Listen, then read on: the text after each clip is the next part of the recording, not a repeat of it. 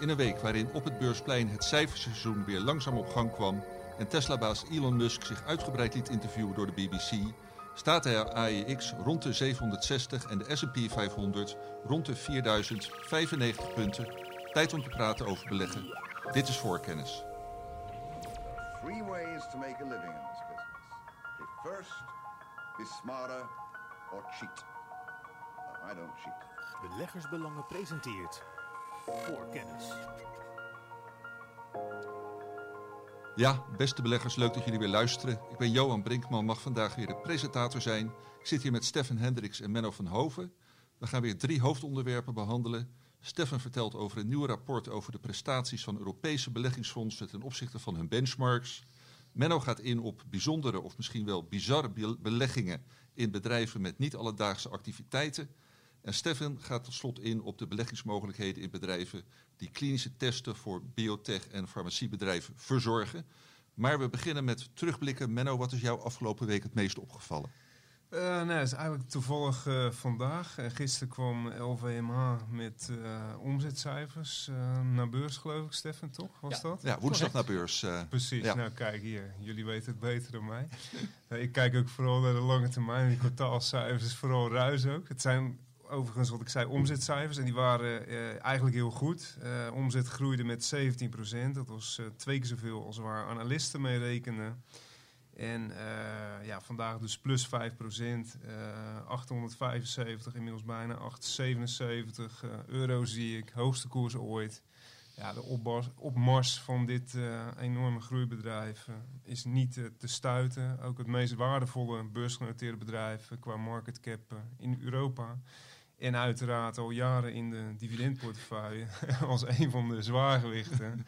en uh, ja, vooral natuurlijk door die beurskoers die maar verder blijft en blijft en blijft stijgen. Ja. Even een, uh, een intikketje, Menno. Waar kwam die omzetgroei vandaan? Uh, die dan woensdag bekend werd gemaakt? Uh, nou ja, uit, uh, uit China natuurlijk, de belangrijkste ja. markt. En, ja, de, de heropening van de, van de Chinese markt. Sowieso 30% van de omzet komt uit regio Azië, ex-Japan bij LVMA. En voor dit jaar ja, is het ook weer, hebben ze laten weten, is het de groeimotor van het bedrijf. En ja, ze blijven continu boven verwachtingen presteren. En die beurskoers die, uh, gaat langzaam richting uh, 1000 euro. Het, uh... Ja, en de, de eigenaar is zelfs rijker dan Elon Musk.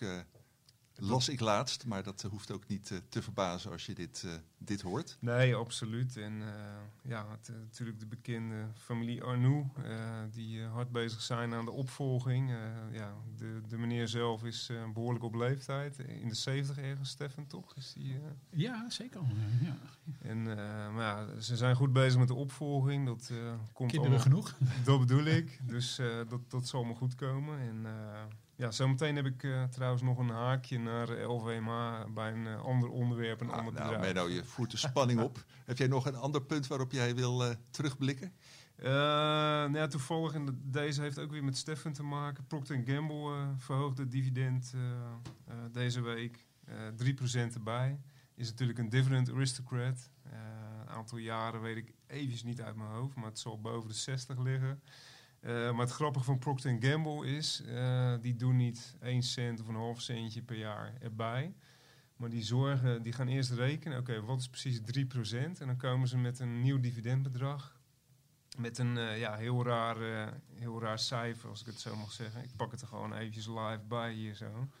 Want het nieuwe kwartaaldividend van Procter Gamble is dus niet iets van 80 of 90 cent. Het nieuwe kwartaaldividend is 94,07, dus 0,9407. Dus elk jaar verhogen ze het precies op een, uh, afrondend op een mooi procentueel uh, percentage. Is geen goede zin, ik weet het.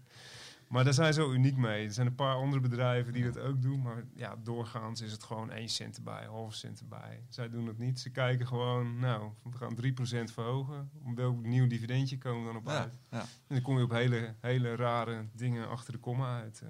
dus dat vind ik wel eh, opvallend weer. Dat is ook eh, in het thema bizar past dat misschien Ja, oh, ook wel. Ja, Zeker. Ja. Oké. Eh, dankjewel, Menno. Stefan, jij had ook een aantal dingen waar jij, die, die jou zijn opgevallen. Ja, ik denk wat, eh, iets wat iedereen is opgevallen, is ongetwijfeld de Amerikaanse inflatiecijfers zijn geweest. Die, die vielen iets mee. En we kregen natuurlijk ook de notulen van de Federal Reserve, waarbij een aantal Fed officials eh, kennelijk een kleine hint al misschien had op ehm, eh, even het stopzetten van het eh, renteverhogende beleid. Nou, dat gaf de euro weer een zetje. Maar goed, ik denk dat de meeste mensen dat allemaal wel gelezen hebben. Ik wilde eigenlijk nog over twee bedrijven iets zeggen die in de dividendportefeuille zitten en die in de hoogdividendportefeuille zitten. Eerst is eh, Merck en dan het Duitse merk en niet het Amerikaanse. Eh, maakt deel uit van de dividendportefeuille. Ging ehm, eh, woensdag eh 7% onderuit. En wat was er nou de aanleiding voor? Nou, Menno heeft er ook op de site en in een blad al iets over geschreven. Ik wilde er toch eigenlijk iets uitgebreider op ingaan, omdat het niet alleen voor Merck eigenlijk van belang is wat hier, of Merck moet ik eigenlijk zeggen, want het is Duits, wat hier is gebeurd. Ehm, maar voor nog een aantal andere farmabedrijven. Eh, wat is er ge- gebeurd? Eh, Merck heeft een, ehm, een medicijn en dat heet Evobrutinib. En dat is een medicijn in ontwikkeling tegen multiple sclerose. En eh, op last van de FDA eh, moest Merck de test die ze doet eh, naar dit medicijn, de fase 3-test, dus dat is al een vergevorderde test met eh, echte patiënten, eh, nou niet zozeer stilleggen, maar het aantal nieuwe patiënten. Daar, eh, dat mag niet meer eh, toenemen, dus ze mogen niet eh, meer nieuwe patiënten recruteren. En degene die eh, minder dan 70 dagen al meedoen aan deze test, die moeten er even mee stoppen. En dat heeft alles te maken met eh, bijwerking op de lever. Overigens geconstateerd bij slechts twee personen uit die test. En het was ook nog niet echt heel ernstig. Eh, maar waarom dan toch, zou je denken, die vrij heftige van Merck? Nou, dat heeft te maken met het feit dat het niet de eerste keer is dat een, een medicijn van dit type op deze manier in het nieuws komt. Ehm, er zijn namelijk al verschillende medicijnen tegen multiple sclerose op de markt. En dit medicijn is een, eh eentje van een nieuwe variant, een zogenaamde BTK-remmer. en ja, wat doet zo'n BTK-remmer? Dat is eigenlijk een, eh, eh, een, een stofje die ervoor zorgt dat het, dat het enzym dat eh, helpt om foute B-cellen te laten ontwikkelen. Om eh, dat enzym zorgen dat dat wordt geremd. Vandaar dat het ook een, remmer is. En waarom is dat nou zo van belang? Nou, de huidige medicatie tegen eh, MS is eigenlijk een, een beetje een, een, hoe zeggen, een schot hagel. Dus dat betekent dat een heleboel B-cellen worden eh, vernietigd, zowel goede als slechte. En zo'n BTK-remmer is een middel die eigenlijk de slechte cellen, dus gerichter de slechte cellen, kan aanvallen. En dat zou enorm helpen. Maar Merck is niet de enige die bezig is met dit type medicijn tegen multiple sclerose. Ook Sanofi is er mee bezig en die hebben daar eh, een paar jaar geleden een Amerikaans bedrijf, Principia, voor overgenomen voor 3,7 miljard. Eh, ook een medicijn ontwikkeld, uh, Tolebrutinib. Je merkt aan de naam dat het allemaal een beetje hetzelfde type medicijn is. En ook Sanofi had al zo'n mededeling gekregen van de Federal Reserve. En uh, zelden eigenlijk als Merck had, ook vanwege dezelfde aanleiding, uh, bijwerkingen op de lever. Jij zei de Federal Reserve? Oh, sorry, de Federal ja. Reserve. Ik zat nog helemaal eerder. Is dat de, de FDA? Um, die jongens die bemoeien zich met veel dingen, maar volgens mij niet met de Nou, ik sluit niet uit dat ze hier ook nog een mening nee, over hebben. Nee. Maar het ging hier inderdaad heel goed, ja. Johan, dat je even oplet. Het ging hier inderdaad om de Food and Drug Administration, dus de FDA. Ja. Uh, um, wel iets federals ook, maar um, in dit geval toch echt een andere instantie. Uh, die hebben ook al Sanofi gewaarschuwd. Zelfde uh, procedé eigenlijk gevolgd. Dus ook geen nieuwe um, uh, testpersonen meer toevoegen. Dus ook vanwege die bijwerkingen op de lever. en eerder al heeft Biogen, ook een Amerikaans biotechbedrijf, voor 125 miljoen de niet-Chinese verkooprechten van ook een soortgelijk middel uh, aangekocht. En die hebben die uh, uh, verkooprechten weer teruggegeven aan de partij van wie ze die hebben gekocht. Een, biotechbedrijf in Hongkong, InnoCare. eigenlijk ook om dezelfde reden, omdat ze daar niet zo heel veel in zagen in de doorontwikkeling hiervan. Um, en het, het, is wel van belang, want bijvoorbeeld UBS die verwachten een piekomzet van dat medicijn van Merck van 1,7 miljard. Ook voor Sanofi is het een belangrijk medicijn. Novartis en uh, de Roche-dochter Genentech zijn er ook nog mee bezig. Het is echt de volgende fase. Het zou mooi zijn, denk ik, voor patiënten uh, die lijden aan deze ziekte, uh, als dit middel er zou kunnen komen. Ik denk dat het wel zou helpen, maar het feit dat er zoveel hindernissen zijn, maakt mij wel wat voorzichtig. Het is echt een dossier wat ik wel wil volgen, ook al omdat Sanofi zelf eh, dit middel, wat ook werd toegepast tegen een, eh, een, een spierzwakteaandoening, daar heeft Sanofi ook al de zaak stilgelegd. Dus het is een eh, potentieel heel erg interessant middel, maar blijkt wel, eh, die, die hele klasse heb je het dan over, eh, die blijkt dus wel hier kwetsbaar voor te zijn. Dus het is nog geen zekerheidje dat dit soort medicijnen allemaal op de markt gaan komen. Dankjewel, Stefan. Eh, en, eh, jij wilde nog een, eh, nog een bedrijf in je terugblik behandelen. Ik wilde dus, nog een bedrijf en dat is een bedrijf uit de hoogdividendportefeuille. Ik zou bijna zeggen vriend van de show, is vaker langsgekomen hier. En het gaat om het Duitse Bas F. Die publiceerde deze week voorlopige eerste kwartaalcijfers. En die waren niet heel fraai. Dat is niet een hele grote verrassing. De omzet daalde met eh, 13% tot nog geen, net geen 20 miljard. Eh, dat was eigenlijk wel wat slechter dan eh, analisten hadden verwacht. Eh, operationele winst die daalde met meer dan 31% tot 1,9 miljard. Dat was dan wel weer iets beter dan analisten hadden verwacht. En omdat Bas niks hoefde af te schrijven dit kwartaal op Wintershaal, de olie- en gasdochter, komt de netto winst waarschijnlijk uit op zo'n 1,6 miljard tegen 1,2 miljard vorig jaar. Ehm, maar het probleem bij Bas F. blijft toch een beetje de ontwikkeling van de cashflow. Die was over de eerste drie kwartalen van vorig jaar echt gewoon beroerd. En er volgde een enorm herstel in het vierde kwartaal als eh, gevolg van verbeteringen in het werkkapitaal.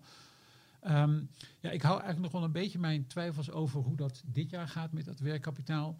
De strategie voor de hoge dividendportefeuille is dat wij eerst maar eens op 3 mei het eh, dividend gaan incasseren van eh 3,40 euro per aandeel. 27 april, dus een beetje daarvoor, komt Bas F. met de definitieve eerste kwartaalcijfers en de analistenbijeenkomst. Dan zullen we weer eens even gaan kijken wat ze over die cashflow gaan zeggen. Soms kunnen ze daar nog wel stevige uitspraken over doen.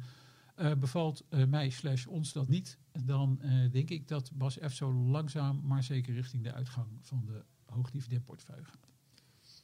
Oké, en dan moet iedereen die het aandeel in portefeuille heeft met het oog op ja, dat, dat hoge dividend gaan overwegen eh, of die het eh, in portefeuille houdt. En eh, nou, dat geldt dan ook eh, voor mijzelf, de presentator.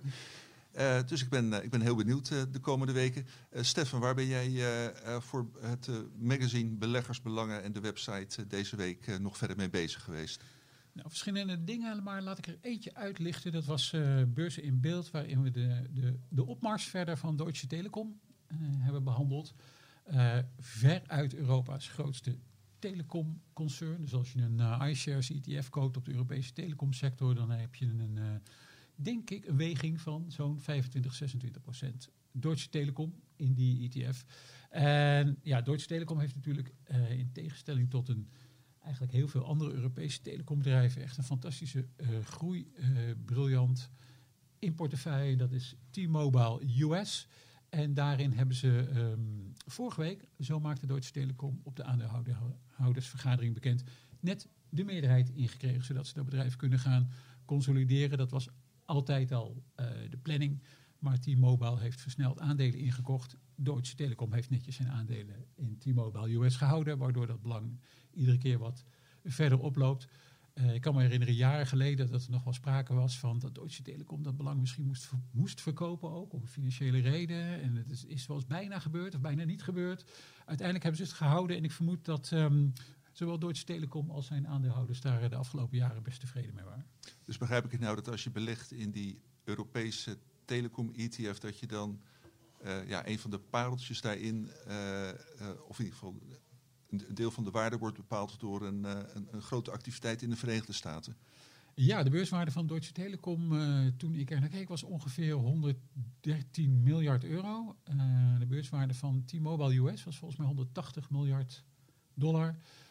Dus de helft daarvan is, ehm, is nu, valt eigenlijk onder Deutsche Telekom. Eh, dus ja, het is, eh, het is die activiteit. Het is ook die activiteit die de, eh, die de groei drijft. Hè. Er wordt flink geconsolideerd op de Amerikaanse telecommarkt. En als ik me niet vergis, ik ben niet een heel groot kenner, maar liggen volgens mij daar de gemiddelde prijzen ook wat hoger dan in Europa. En zijn de rendementen ook vrij goed. Het is natuurlijk ook één markt in plaats van die versnipperde Europese markt waar heel veel spelers zijn en waar je nou ja, waar eigenlijk gehoopt wordt dat via consolidatie misschien wat ehm, partijen bij elkaar komen en er wat meer pricing power ontstaat, zoals dat heet. Eh, maar Deutsche Telekom eh, heeft hij dus al. In de Ja, VS. nou. Het eh, staat deze week allemaal in beleggersbelangen. Menno, jij hebt ook een en ander geschreven, mag ik wel zeggen, deze week voor beleggersbelangen. Wat wil je eruit uithalen? Eh, nee, ik denk toch vooral het omslagverhaal. Dat dat het, eh, eh, Daar, dat dacht ik al, Menno. het meest interessant is. Vooral omdat, ja, ik heb het al meerdere keren in de voorgaande podcast aangestipt. dat nu echt het dividendseizoen in Nederland en in, Europa is begonnen. Nou, het is vandaag 13 april. Toevallig morgen de eerste twee, laat maar zeggen, van de kopgroep die, die ex-dividend gaan. KPN en ALD Herzen.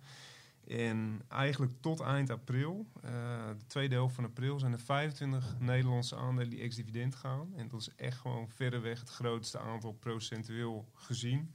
Dan gaan er in mei nog eh, een aantal ex-dividend, maar eh, ja, het dividendseizoen is nu dus echt van start. En eh, ja, in het artikel heb ik natuurlijk gekeken naar de uitschieters qua eh hoog dividend. Eh, er zijn er twee die echt met kop en schouder bovenuit steken, op papier dan. Bijvoorbeeld Post, PostNL, altijd een hoog dividendrendement. Ik had de vorige keer ook benoemd. Op papier nu ook bijna 10%. Maar het slotdividend is maar 2 cent. En als je dat dan op de koers legt, dan is het ineens maar iets meer dan 1% eh dividendrendement. Dus ik heb het ook nadrukkelijk met een sterretje... eh, een Asterix heet zo'n ding volgens mij. eh, heb ik dat in de tabel, de uitgebreide dividendtabel deze week in het magazine, heb ik dat eh, aangeduid van let op. er staat hier wel 10% dividendrendement, maar eigenlijk krijg je veel minder. Tenzij je natuurlijk dat dividend, dat interim dividend medio vorig jaar ook hebt meegepakt. En ja, een garantie op een, een, vergelijkbaar dividend voor dit boekjaar, dat heb je natuurlijk totaal niet bij zo'n aandeel. Eh, nog een hele grote uitschieter qua dividendrendement is eh, OCI. Ja, die zou wat dat betreft niet meer staan in de hoog dividendportefeuille, Stefan, denk ik. Hij kan op de lijst mee. Nou, sterker nog, hij staat eigenlijk al op de lijst. Kijk, nee, dat eh, verwacht ik ook wel. En ja, die hebben eigenlijk enorm hoge dividenden uitgekeerd. Uit mijn hoofd nu voor de derde keer dat ze iets van 3, 3,50 eh, dividend betalen op halfjaarbasis.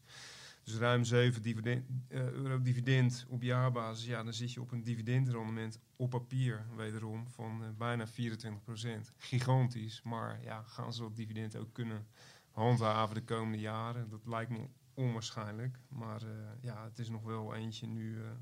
die er echt uitspringt dit jaar. Nou, verder heb ik vooral gekeken naar dividendgroeiers natuurlijk. En ja, in Nederland is er één aandeel wat er al jarenlang bovenuit steekt. En dat is natuurlijk eh Wolters Kluwer. Eh, ja, niet geheel toevallig is dat er ook één die op een eh, hoogste koers ooit staat. Dividend de laatste vijf jaar gewoon elke keer minimaal 15% omhoog. Ongekend. Nu in totaal, als ik me niet vergis, 17 jaar op rij verhoogd beste van alle Nederlandse aandelen. En ja, die zitten uiteraard in de dividendportefeuille. dus eh, ja, en er zijn er nog een aantal van die hele mooie dividendgroeiers die en elk jaar verhogen Ja. en met dubbele cijfers. En die eh, ja, staan natuurlijk in het omslagverhaal Ja, eh, ja. van deze week. Hartstikke, hartstikke mooi. Dankjewel. Uh, jij ook, Menno. En overigens, als toevoeging, eh, OCI zit wel in eh, de portefeuille NL van onze Nederlandse sectorfavorieten. Heel en dat goed. doet hij het ook eh, heel erg goed. Eh, we gaan naar het eerste hoofdonderwerp. Voorkennis. Eh, ja, eh Stefan, eh, ja, altijd eh, kan dat nogal pijnlijk zijn als de prestaties van de beleggingsfondsen in het algemeen met, met elkaar, maar ook met, met, met graadmeters, met ETF's worden vergeleken. Er is een nieuw rapport uitgekomen wat gaat over Europese beleggingsfondsen. Wat kan je daarover vertellen? Ja, ieder jaar publiceert S&P Global, dus dat is de eh, onderneming die onder meer de eh, S&P en Dow Jones indices aanbiedt en de iBox vastrentende indices.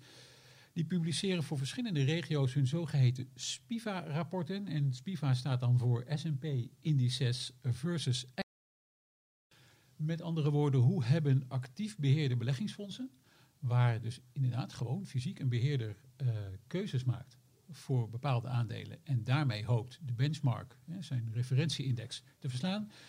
Hoe hebben die nu gepresteerd? Nou, dat is een, eh, een rapport van 42 pagina's. eh, behandelt van alles en nog wat. Dus aan eh, aandelenfondsen, Europa breed, tot aan aandelenfondsen voor de, alleen exclusief de Deense markt, om maar eens wat te noemen. En ook voor allerlei fondsen die gericht zijn op bedrijfsobligaties, of het nou, sorry, obligaties in het algemeen, of het nou bedrijfsobligaties zijn, high yield of investment grade, of staatsobligaties.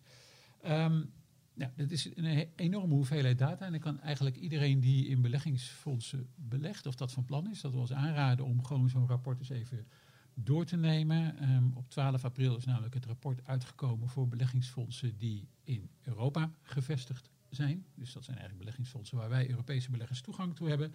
Eh, en dat is altijd wel zinnig om te lezen, hoewel misschien niet altijd heel erg prettig eh, om te lezen. Ik wilde er eigenlijk van al die categorieën die we zo kunnen noemen, eh, er één regel uitnemen, namelijk de pan-Europese beleggingsfondsen. Dus eh, beleggingsfondsen die in Europese aandelen eh, beleggen, zeg maar vanaf het Verenigd Koninkrijk tot aan Polen zo ongeveer. En hoe hebben die nu gepresteerd? Ehm, en in de begeleidende tekst zegt S&P nou eigenlijk was het afgelopen jaar, ondanks dat het een slecht jaar was, had het in theorie een prima jaar kunnen zijn voor fondsbeheerders om echt veel beter te presteren dan eh, de benchmark. Want eh, we hebben heel grote volatiliteit gezien, dus ontzettend veel bewegelijkheid van de koersen. Eh, er waren ook grote verschillen daardoor tussen individuele aandelen en tussen sectoren. Dus de juiste sector of individuele aandelenkeuze had je heel erg kunnen helpen als actieve beheerder. En als je misschien op tijd een defensieve insteek had gekozen voor je fonds, had je het ook nog beter kunnen doen. Nou, dat is de theorie. En dan ga je naar de praktijk eh, van ehm, eh, het onderzoek. En dan, ehm, helaas, zie je dat eh, ook afgelopen jaar bijna 87% van de fondsen die pan-Europees belegt, achterblijft bij de S&P 350-index. En dat is niet een hele bekende index, want we gebruiken natuurlijk normaal gesproken ofwel de MSCI Europe of de Stocks Europe 600. Eh, maar ik heb de rendementen van die, die S&P-index. Is niet helemaal logisch hè, dat S&P zijn eigen onderzoeken ook zijn eigen indices gebruikt. Nou, die rendementen van die S&P 350 Europe-index, die wijken helemaal niet veel af over 1, 3, 5 of 10 jaar van die MSCI Europe. Dus helaas, eh, ook afgelopen jaar eh, toch weer 87% volgens S&P slechter gepresteerd dan eh, de index. Want dat is een beetje het normale percentage eh, wat je erop moet hangen, eh, ook jaar in jaar uit. Nou ja, helaas wel. want Ik heb hier de percentages voor me eh, van S&P-onderzoek van eh 1, 3, 5 en 10 jaar. En dan ligt het allemaal zo tussen de 83 en de 90 procent van fondsen die achterblijft bij de benchmark. En een van de redenen die S&P daar zelf voor noemt, is dat er een groot aantal fondsen ehm, geliquideerd of gefuseerd worden. Ehm, eh, over een periode van 10 jaar gaat het dan zo ongeveer 40% van de beleggingsfondsen. Nou, dat is natuurlijk best fors. Eh, ja, en als een fonds geliquideerd wordt of samengevoegd, dan is dat meestal niet eh, als gevolg van een enorm succes in de jaren daarvoor. Dus dat zegt denk ik ook al wel iets. Dus het blijkt ontzettend lastig om het beter te doen dan de index. En nou wil ik dit onderwerp niet, heb ik niet op de agenda gezet om maar eens even die actieve fondsbeheerders eh, belachelijk te maken. Eh, maar het is eigenlijk meer nog eens een keer een waarschuwing voor beleggers om als je in beleggingsfondsen eh, wilt beleggen, om toch nog eens even heel goed naar je fonds te kijken wat dat nou eigenlijk doet, wat het beleggingsbeleid is. En ik ben in deze podcast al vaker teruggekomen op een, een bepaald beleggingsfonds, het Comgest Growth Europe Fund, is wat mij betreft een heel duidelijk voorbeeld eh, van waar je dan op moet letten. Dit fonds maakt deel uit van onze pensioenportefeuille. Ehm, eh, het is een, heel apart fonds. Eh, ze hebben de MSCI Europe als benchmark. Nou, dan kun je kiezen uit pak een beet eh, 400, 450 aandelen. Maar ze hebben er maar 35 in portefeuille. En beleggen categorisch niet in financials in energie, zoals ik al eerder heb gezegd. Dat was vorig jaar heel jammer. Als je dit fonds in portefeuille had gehad. Want het fonds heeft eh, min 20 gedaan tegen de index min eh, 9,5 ongeveer. Ja, hoe kwam dat nou? Nou ja, energie was natuurlijk de uitblinker eh, vorig jaar. En ook de banksector presteerde beter dan de brede index. Ga je ietsje verder terug, dan zie je dat dat fonds over eh, drie, vijf, tien jaar juist wel echt veel beter presteert dan de index. En hoe komt dat nou weer? Nou, dat komt omdat er in eh, sneller groeiende bedrijven wordt belegd. Eh, die bedrijven hebben eh, vaak wel een wat hogere waardering. Die hoger gewaardeerde aandelen die gedijen vaak goed in een klimaat waarin de rente wat daalt. Eh, dus het heeft daarin ook niet tegengezeten. Nou, wat ik nu vertel is denk ik iets wat heel veel beleggers moeten doen die in een beleggingsfonds willen beleggen. Je zult goed, wat mij betreft, moeten kijken naar beleggingsbeleid en een idee gaan vormen waar de prestaties van dat fonds nou vandaan komen. Wanneer doet het fonds het beter dan de referentieindex? Uh, en wat is daar de reden voor? Ja, nou, helder uh, betogen, Steffen. En uh, ja, ten overvloede, als je een fonds in portefeuille hebt dat het slechter doet dan de markt, dan blijf je niet alleen achter bij de markt, maar dan heb je ook ja, veel hogere kosten en dus minder rendement uh, ten opzichte van bijvoorbeeld een, uh, een ETF? Ja, ik ga wel uit van rendement inclusief, uh, inclusief kosten. Um, en ik denk ook dat het een kwestie is van geduld. Want om er misschien nog even terug te komen op dat Comgest fonds. dat was natuurlijk afgelopen jaar voor mij als beheerder van het pensioenportefeuille vervelend. Dat dat fonds daarin stond en zo'n onvoorstelbaar slechte performance had. Het was de een na slechtste presterende positie afgelopen jaar in de pensioenportefeuille. Dit jaar doen ze het bijvoorbeeld weer veel beter ja. dan de index. Uh, procent of procentpunt of vier moet ik zeggen. En dat heeft natuurlijk ook weer te maken met het feit dat het fonds niet zoveel last heeft gehad van al die onrust in de banksector. Ja. Dus jij bent absoluut geen tegenstander van beleggen in, uh, in fondsen. Sterker nog, je doet dat uh, zelf uh, voor de pensioenportefeuille. Alleen je zegt wel, ja, wees heel erg kritisch op wat zo'n fonds doet. En weet in ieder geval ja, wat, het, wat het fonds doet en, en houd het goed in de gaten. Jazeker, en dan kun je het ook beoordelen. Dus die, die, die relatief zwakke prestatie van het afgelopen jaar, als ik daar of een beetje van onrustig van was geworden, dus van oh, het gaat helemaal mis met dat fonds, uh, ik weet niet hoe het komt en ik moet er maar vanaf, uh, dan had ik het misschien op een verkeerd moment verkocht. Als ik weet hoe het fonds werkt, als ik weet wat het beleggingsbeleid is, als ik het daar van tevoren al mee eens was, dan weet ik ook waar die performance vandaan komt. En dan weet ik ook of het fonds wel of niet kan herstellen en of ik gewoon wel of niet vertrouwen heb in dit algemene beleggingsbeleid. Uh, maar dat, dat soort overwegingen kun je denk ik alleen maken als je je wel een beetje hebt verdiept in uh, datgene waarin je belegt. Dat geldt trouwens voor een ETF, dat geldt voor een individueel aandeel, maar dus ook voor een beleggingsfonds. Helder. En uh, dat rapport wat je net noemde, kunnen wij dat in de show notes zetten? Jazeker. Oké, okay, gaan we doen. Voor kennis. Uh, Menno, uh, jij hebt je afgelopen week weer gebogen over een origineel onderwerp voor deze podcast. En hoe kwam jij op het thema bizarre beleggingen? Ja, dat is een goede vraag, Johan. Nou sowieso door de jaren heen, alles wat ooit een dividend heeft betaald of wat nog een dividend betaalt, dat komt wel ergens op mijn radar voorbij. En ja, dan kijk ik snel of het interessant genoeg is. En uh, ja, soms uh, sla ik die op. Dus ik heb wel een heel lijstje van. Je komt uh, ja, de meest gekke bedrijven tegen qua activiteiten. Ook voor het IPO-overzicht, wat ik periodiek maak, overigens. Kom je ook af en toe hele bijzondere bedrijven tegen met activiteiten waarvan je denkt van. Hè, ja, bizar dat je daarin kunt beleggen. Dus uh, ja, die hou ik dan wel ergens op een lijstje bij. Bijvoorbeeld voor dit soort gelegenheden. En misschien uh, later nog eens een keer uh, als omslagverhaal, wie weet. Maar ja, ik ben dus in een aantal aandelen gedoken die ja, een bijzondere business hebben. Waarvan je ja, niet zou verwachten dat je erin kunt investeren. En uh, voor deze podcast heb ik er uh, drie uh, meegenomen. Nou, brandlos met nummer één, Menno. Ja, de eerste. nou, ik voelde een beetje jullie verbazing ook toen ik die naam voor het eerst noemde. Dat is een Fins bedrijf, Saga Furs. nou, what's in a name? Het is een Fins bond veilingshuis. wel weliswaar bond afkomstig van streng gereguleerde boerderijen. Dus denk aan net, nertse fokkerijen, et cetera. Uh, ja, ik vind het natuurlijk bizar dat je gewoon uh, kunt investeren in een bedrijf. Uh, dat, dat, dat, dat, ja, nou ja, iedereen die heeft wel een, een bepaalde... De bond is niet onomstreden, laat het zo zeggen. Precies, ja. goed verwoord, zei je al. ja, en dit is dus een, een eigenlijk een relatief vrij klein bedrijf met een beurswaarde van 30 miljoen euro. nou, ik heb me eens even in die bondmarkt verdiept. Ik zit heel te kijken. Ik voel een, omslagartikel aankomen, inderdaad, eh, over nou, de markt. De hoeveelheid tijd die ik hierin heb gestoken, dat zou zo inderdaad. Uh, Zo'n verhaal rechtvaardigen. Nou. Inderdaad, inderdaad. Ja, goed, de wereldwijde markt voor bond zal niet verrassend zijn. die krimpt steeds verder.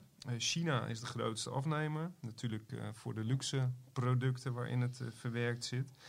Ehm, ja, die markt die, die is ongeveer zo'n 22 miljard eh, eh, dollar waard. Eh, na China is ook Rusland de grote afnemer van bond. Maar eigenlijk sinds 1950 is die markt al aan het krimpen. Er is eigenlijk één tussentijdse opleving geweest, heb ik me laten vertellen of heb ik opgezocht. En dat was tussen 2000 en 2013. En dat kwam door de, door de modeshows, eh, ja, waarin veel bond op de catwalk eh, verscheen toen het nog minder eh, in opspraak was. Vandaag de dag natuurlijk allemaal anders. En de Chinese boom met ja, Chinese nieuwe vermogenden die gewoon de dure, mooie, kwalitatief hoogwaardige spulletjes willen kopen tegen de hoofdprijs. En ja, dat zorgde voor een tijdelijke opleving van de bondverkopen. Het grappige is ook dat, eh, en zo kwam dat aandeel Saga First op mijn radar, was juist in die periode was het een bedrijf wat elk jaar de dividend eh, verder verhoogde. Eh, nou sindsdien is het anders gelopen. Ja, vooral natuurlijk door de boosdoeners, zoals ik ze dan in dit geval heb opgeschreven. Natuurlijk dierenactivisten, maar ook veel strengere regulering van overheden. En eh, ja, de veranderende eh, maatschappelijke trends natuurlijk. Hè. Eh, de opkomst van PETA sinds 1980. Eh, eh, ik weet niet precies waar het voor staat. Misschien dat Nou ja, ik ook niet. Leg uit, op- wat doe je met de opkomst van Peter? ja, dat eh PETA, nou, ik- de, de, de, de, de anti-fur eh dieren, Oké, Ja, dat, eh, dierenwelzijnsorganisatie. volgens mij bekend van eh, allerlei foto's van bekende mensen die nou, we- ontbloot waren. en, eh, Pamela Anderson schiet mij te binnen die zich daar ook mee heeft eh, Oké. bemoeid. Ja, ja nee, nou goed, eh, weer wat. Heb ik ook wat geleerd? Dus de, Nee, dus de, absoluut. dus de bekende anti, organisatie. Precies, Ja, de anti-bond en anti-dierenleed eh, eh, lobby. Eh, ja, en dat raakt natuurlijk wel eh, die hele industrie. Eh, momenteel vooral in Scandinavië, Denemarken, Finland zijn nog groot- grote bondproducenten. Eh, maar die bondfokkerijen of die eh, net zo zijn in veel Europese landen inmiddels verboden, ook in Nederland. Eh, volgens mij nog gefaseerd tot 2024, wat ik eh, me snel herinner, mogen die eh, nog bestaan. Maar de meeste eh, ja, zijn afgeschaft al een aantal jaren of eh, gesloten. Dus eh, in die zin gaat dat de goede kant op. Eh, in Californië trouwens ook, maar dat is natuurlijk ook een staat die voorloopt in alles wat groen en duurzaam en eh, woke is. Dus wat dat betreft is het niet heel erg verrassend.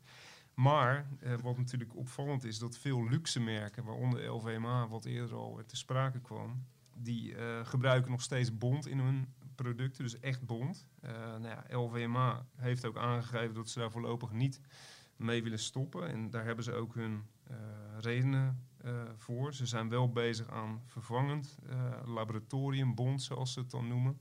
Op basis van eh creatinevezels. En eh ja, dat is natuurlijk wel een markt voor kunstbond. En die groeit wel heel snel. Maar eh, ja, daar zitten wel eh, haken en ogen aan qua duurzaamheid en qua eh, beleving, vooral ook van de consument, eh, die wel die enorm hoge prijs wil betalen voor een echt bond product. Vooral de Chinezen zijn dat. Eh, maar die hun neus ophalen voor iets wat nep is dan. Dus dat is nog wel een probleem binnen de sector. Eh, nou ja, een van de, eh, van de jonge Arnaud's, eh Arnoux, heeft eh, tijdens een bijeenkomst eh, heeft hij ook eh, uit de doeken gedaan waarom ze voorlopig nog niet eh, eh, van het bond af willen. Ze stimuleren weliswaar het gebruik van, eh van een nepbond, maar zegt LVMH, we geven onze designers de volledige vrijheid, creatieve vrijheid, waar, waaronder ook de keuze van materialen valt. Nou, een beetje een zwak argument natuurlijk. Eh, maar dat terzijde. Ze zeggen we vechten juist tegen dierenleed. Maar als wij geen bond verkopen, dan gaat de consument naar andere merken die eh, minder om dierenwelzijn geven. Ja, dat, is- dat soort argumenten krijg Niet je de dan. allersterkste Nee, argumenten, precies. Dat is dus absoluut Maar je bouwt er wel een heel groot bedrijf mee op. Maar goed, dat eh, terzijde. Precies, precies. En ja, blijkbaar eh, is dat nog zo eh, winstgevend. eh, en, en Ja, zo, nou, dat eh, kunnen ze ook gewoon zeggen. Maar Precies, dat is natuurlijk de achterliggende gedachte. Nou, een van de merken van LVMA is Fendi. Gebruiken onder meer bont van vossen, nertsen, maar ook pythons, krokodillen, struisvogels. ja, dat soort exotische dieren. En die hebben letterlijk gezegd, we streven er naar om pas tegen 2026 alle materialen responsibly sourced. Dus niet eens bondvrij of... Kijk, met een krokodil lijkt me dat ook eh, lastig. Of met een slang. Of met een struisvogel. Dus ze gaan niet eens voor om dat bond helemaal eruit te krijgen, maar om het eh, responsible. Dus betekent dat momenteel voor die bepaalde produ- productcategorieën nog niet eens helemaal eh, responsibly sourced is. Dus ja, dat is wel niet, niet heel erg sterk. Binnen de sector zijn er wel hele grote verschillen. Bijvoorbeeld een, een eh, Gucci, wat dan weer onder Kering eh, valt. Een ander groot Frans eh, luxe bedrijf, ook heel succesvol. Een van mijn redactietips eh, dit jaar ook. Eh, die zijn echt al gestopt. Vanaf eind 2020 in geen enkele van hun labels of hun merken zit meer eh, bond. Dus die zijn echt volledig over op dat eh, kunstbond. En eh, nou ja, als je de, de resultaten van Kering bekijkt, eh, dan kun je daar ook eh, heel succesvol eh, mee zijn. Dus die eh, ja, zijn duidelijk eh, veel, veel fanatieker en ander pad. eh, en ja, naar mijn idee ook beter pad ingeslagen dan LVMA. Ehm nou, dan terug naar, naar Saga. Wat is het nou voor aandeel? Wat is het nou voor bedrijf? Vier keer per jaar hebben ze een veiling. Vergelijk het met, een, met, de, met de bloemenveilingen in Alsmeer. En dan kun je via livestream kun je dat ook volgen. En eh, ja, onder meer LVMH, via de inkopers, kopen ze dan hun partijen bond op voor de nieuwe collecties. En dat gebeurt vier keer per jaar eh, bij, dat, eh, bij dat Saga.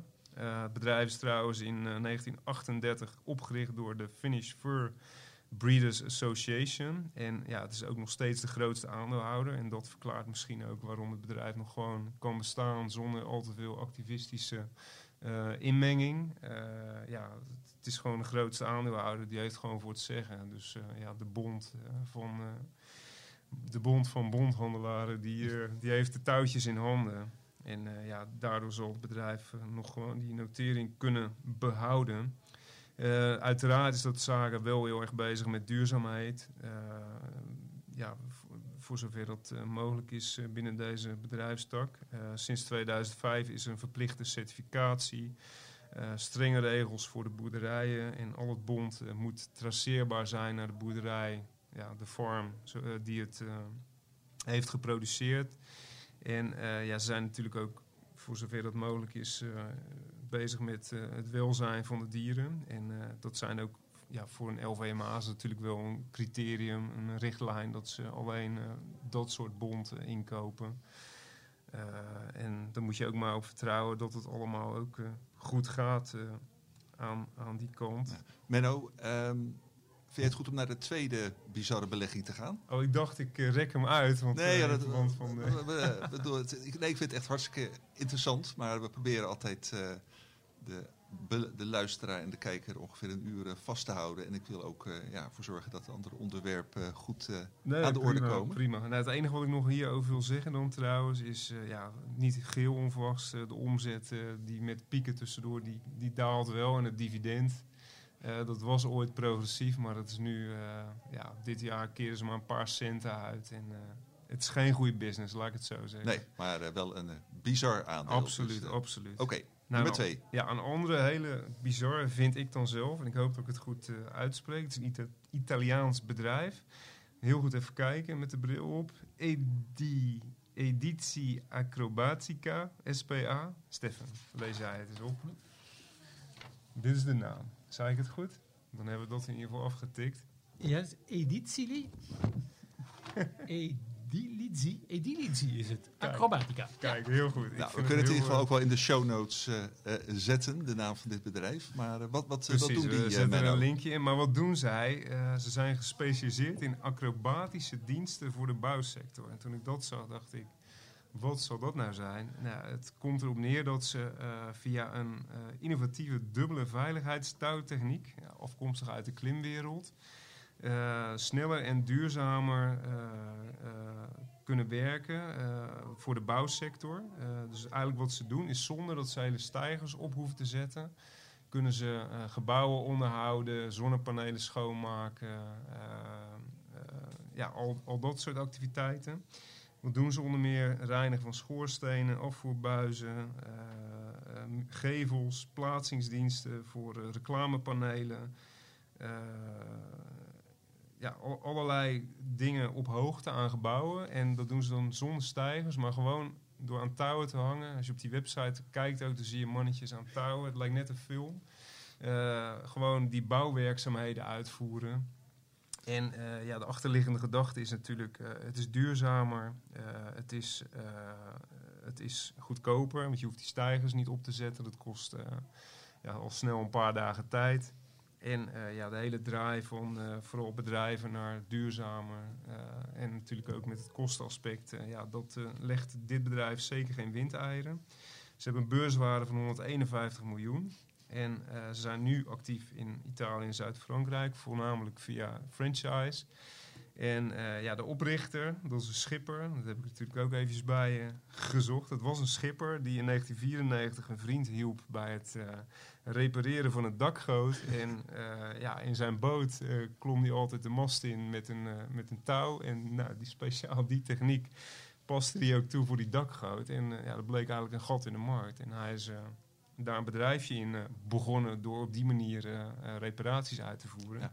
Hey, maar duurzamer, goedkoper, dat kan ik me voorstellen. Maar doen ze dit ook niet ja, als een soort PR-stunt of zo? Of een soort entertainment? Of moet ik dat er echt niet achter zoeken? Nee, nee, dat, eh, wat ik, eh, dat was dus ook mijn eerste gedachte. Maar dit is echt gewoon een heel serieuze eh, business. En wat ze zelf ook als reden opvoeren waarom je daarvoor zou moeten kiezen, naast het duurzame en het kostaspect, is ook, er is geen gevaar voor indringers als er stijgers om je woning staan. Je kunt lekker op het balkonnetje blijven zitten. En eh, het raam kan open, open, open blijven zonder die stijgers Ja. voor je neus. En de, Dus veiligheid van de, de veiligheid van de medewerkers, is daar Ja. ook nog eh, een paragraaf aan geweest? Ja, nee, absoluut. Op de site heb je drie tabs. Eh, je zou dus moeten kijken. En één daarvan is nou, inderdaad we zetten hem in de show notes. ja. ja, goed idee. Nee, en voor zover ik kon, kon zien, ja, is dat echt ja, sowieso enorm vastgesteld dat dat 100% veilig is. Ik zie ook niks van ongeluk of iets dergelijks. En eh, ja, het is gewoon echt een booming, eh, booming business. Ehm, want al kijk je naar dit bedrijf, doet het heel goed op de beurs. Dit jaar 17% erbij, bijna op een hoogste koers ooit. En dan kijk je naar de omzet, ja, dat is echt spectaculair. Eh, in 2021 82% erbij. En dit jaar, of eh, 2022, 48% erbij naar 130 miljoen. En die groeien gewoon met dubbele cijfers door. En eh, ja, waardering ziet er ook helemaal niet gek uit. Koers-winstverhouding van 8, 7% dividendrendement. Dit jaar betalen ze 50 cent gewoon dividend en daarbij eh 80% speciaal dividend. En dat dividend gaat elk jaar omhoog. Dus in die zin is het ook gewoon een heel eh, ja, grappig eh, dividendaandeel. Of ik erin zou beleggen, ik weet het niet. Ik vind het te, te vage business. En ik kan ook niet goed inschatten hoe die concurrentie daarin eh, is. Ik kan me zo voorstellen dat als anderen zien dat iets goed werkt, eh, relatief makkelijk, eh, want dat denk ik wel in dit geval, op te starten is. eh, ja, dat daar wel eh, steeds meer concurrentie voor komt. Ik kan me niet voorstellen dat we in Nederland zoiets hebben. Ik heb het nog nooit gezien. Nee, Je nee. ziet toch alles gewoon in de stijgers. Je ziet Ja. mannetjes vanaf het dak eh ja, bungelen. ja. Misschien met Sinterklaas alleen. Het uh, uitzonderingsgeval. Nee, en eh, ja, ze doen het heel goed. Eh, er is één hele grote aandeelhouder, Arim Holding. Nou, daar zal ongetwijfeld eh, de oprichter achter zitten. En ja, in het verlengde hiervan, er zijn ook heel veel interessante aandelen. dat weet ik dan weer op het gebied van, van die hangconstructies. voor, bijvoorbeeld voor glazenwassers die je langs gebouwen ziet gaan. De namen heb ik even niet paraat. Maar dat zijn ook bedrijven waar je in kunt beleggen. En je hebt natuurlijk bedrijven die de veiligheidsapparatuur, dus eh, waarin mensen gezekerd zitten, de helmen, de handschoenen, et cetera. Ook hier eh, voel ik een omslagartikel aankomen. Nee, maar bijvoorbeeld, dan, eh, bijvoorbeeld Honeywell heeft een tak die zich richt op die, op Ja. die valveiligheid. Dus dus er, zit een hele, hele, er zit een hele markt natuurlijk achter. Dus inderdaad, misschien allicht voor een toekomstige omslag. ja, nou, ik ben je er niet op vast hoor. Ik vind het onderwerp sowieso hartstikke leuk. Hey, en eh, jouw derde bizarre belegging? Ja, nou, het derde, die heb ik wat korter eh, erbij gepakt. Eh, ik weet niet, er zullen vast mensen zijn die het kennen. Zeker van het product, maar misschien ook van het aandeel.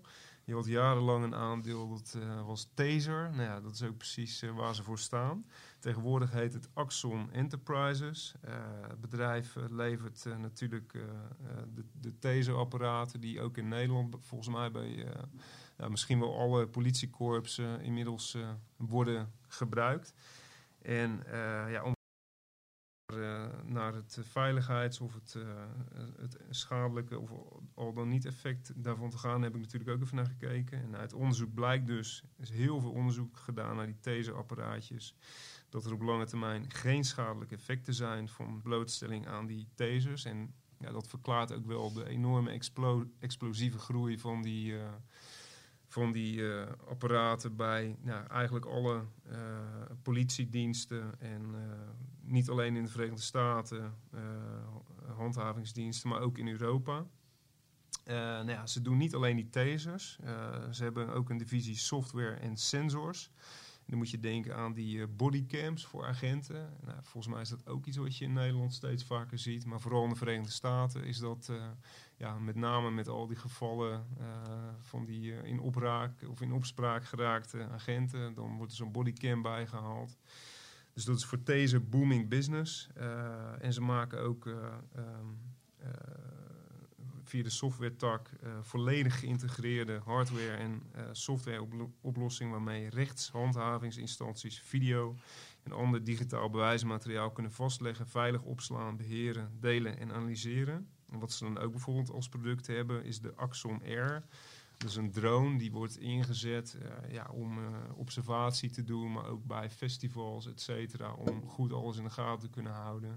En dat is dan weer gekoppeld aan die software, eh, die ook weer door politiediensten, et cetera, gebruikt kunnen worden. Dus een heel innovatief bedrijf. Ja, met eh, producten eh, die gewoon een gretig eh, aftrek vinden. De grootste klanten zijn natuurlijk de overheden en dan vooral die politiekorpsen. maar ook een groeiend aantal commerciële, denk aan beveiligingsbedrijven die, die, die tasers en die camera-oplossingen gebruikt. En ja, op de beurs is het een van de grote uitschieters eigenlijk al jaren. Vorige week ook, net als LVMH, een all-time high op 229 dollar. Ze zijn 16 miljard waard eh, inmiddels. En eh, ja, die groeicijfers zijn gewoon heel indrukwekkend ook van dit bedrijf. Eh, vorig jaar de omzet 38% omhoog naar 1,2 miljard. En ook voor de komende jaren ja, ver- verwacht, eh, verwachten ze een omzetgroei van 20%. En ja, omzet dus vorig jaar 1,19 miljard. En de TAM, de Total Addressable Market, is 50 miljard. Dus er zit nog een enorme potentie in eh, natuurlijk. En daarnaast eh, iets van 13 of 17 procent van de omzet komt nog maar buiten de VS. Dus ook daar hebben ze nog heel veel groeimogelijkheden. Dus vandaar dat beleggers ja, dat aandeel echt eh, de hoogte injagen. Ik kan me er wel wat bij voorstellen. Waardering is pittig, maar ja, dat zie je wel bij de meeste groeibedrijven. KW van 80 voor dit jaar. Dan wel weer een schuldvrije balans, betalen geen dividend. Past ook weer typisch bij zo'n snelle groeier. En eh, ja, analisten zijn ook overwegend positief met eigenlijk alleen maar koopadviezen. en eh, ja, dit eh, vond ik toch ook wel een vrij bijzonder bedrijf. Niet zo bijzonder als de eerste twee, maar eh, Nou, Wel eentje weer goed in een heel delen. ander segment. Ja, zeker. toch. Nou, eh, dankjewel Menno. Ik denk dat je iedereen eh, geïnspireerd hebt en zeker ook vermaakt. En eh, dat is ook eh, belangrijk. We gaan naar het volgende hoofdonderwerp. Voor kennis. Ja, want dat, is, eh, dat eh, gaat over de biotech- en de farmaciesector en de bedrijven die voor dat soort bedrijven de klinische testen eh, uitvoeren. Stefan, jij hebt gekeken naar de beleggingsmogelijkheden daarin. Wat kun je daarover zeggen? Ja, we zijn de afgelopen twee jaar in deze maand, altijd zo medio april, hebben we aandacht besteed aan die sector. En ik wilde eigenlijk deze maand nog even kort op terugkomen, omdat er wel weer een hoop is gebeurd.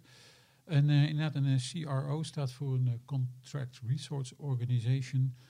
Zoals je al zei, on- ontwerpen en begeleiden, klinische testen doen, vaak ook ehm, eh, marketing, bijsluiters. in het geval van IQVIA bijvoorbeeld ook data van medicijngebruik, dat dan weer her en der wordt verspreid. Ehm, ook in principe een, eh, een groeisector, maar er wel eentje die de afgelopen twaalf maanden echt heel erg moeilijk heeft gehad. Eh, dus IQVIA is een van die partijen. Eh, min 17 procent. Ehm, Icon, een andere grote, ook min 17 procent. En dan hebben we nog Charles River Laboratories, min 30. En Syneos Health, dat is een kleintje, eh, die is bijna gehalveerd. Eh, dat roept natuurlijk de vraag op, wat is daar gebeurd? Ehm, nou, eigenlijk vier dingen kun je zeggen, waarvan nou, een van die vier is bedrijfsspecifiek, maar de drie andere zijn wat algemener. De eerste is de eh, hoge waardering. Dus deze bedrijven groeiden altijd snel, eh, hadden daardoor een vrij hoge waardering. Nou, we weten denk ik allemaal wat er de afgelopen eh 12, 15 maanden is gebeurd met bedrijven met een hoge waardering. Een heleboel daarvan hebben een wat lagere waardering gekregen. Nou, daar is die CRO-sector geen uitzondering in. Als je bijvoorbeeld IQVIA neemt, een jaar geleden nog een koers-winstverhouding van ongeveer zo rond de 25, nu nog geen 19. Uh, ondanks dat eigenlijk gewoon de winst over 2022 uh, wel redelijk was zoals die was voorspeld. Maar dan zie je een beetje wat daar uh, is gebeurd. Het tweede is, is dat die sector vaak met veel vreemd vermogen werkt. Door overnames, ook veel aandelen inkoop.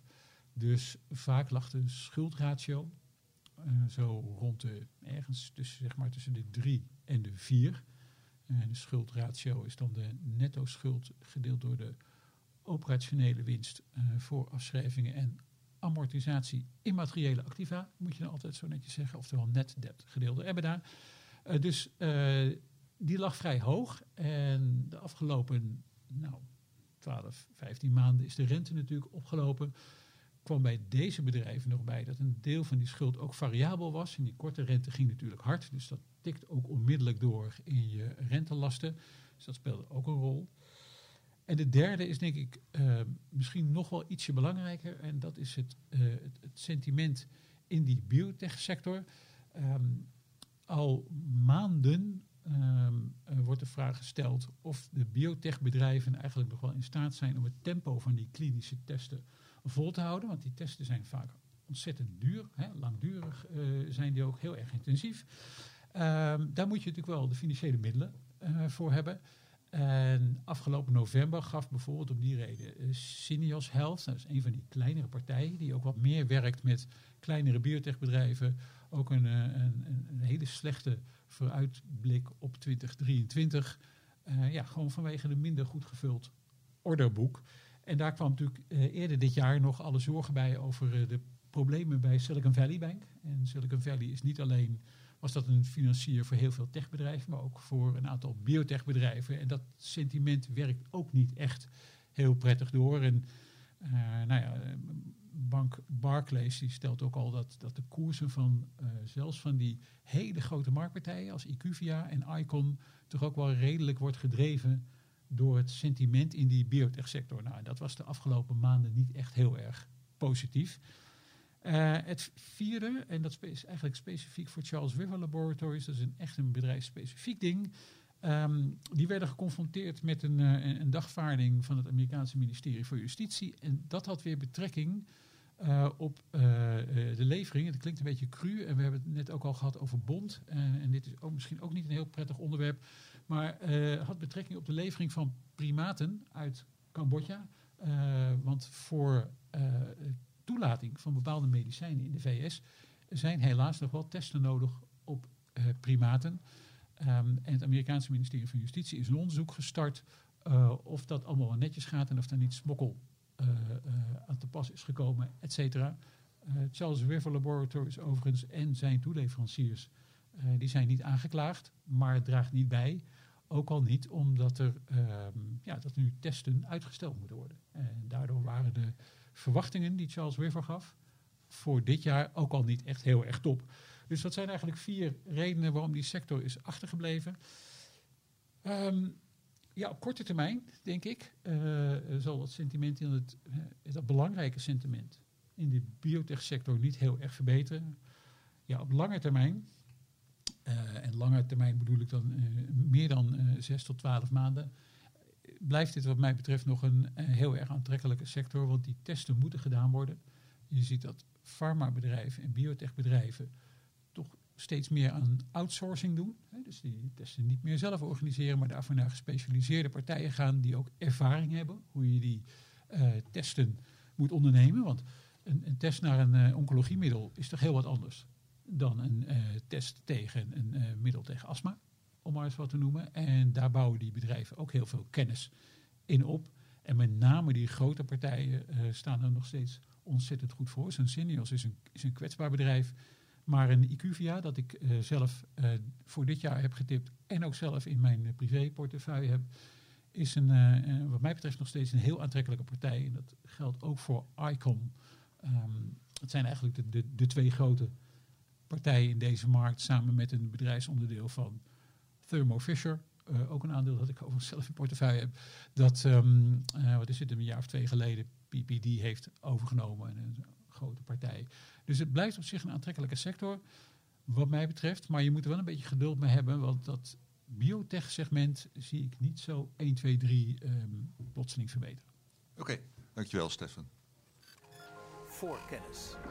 Nou, gaan we nog eventjes eh, vooruitblikken. Ik weet eh, sowieso zeker dat er heel veel gaat eh, gebeuren op de financiële markten weer de komende weken. Maar Stefan, wat eh, is dan met name voor jou eh, iets wat jij, eh, wat, wat zijn dingen waar jij naar vooruit kijkt?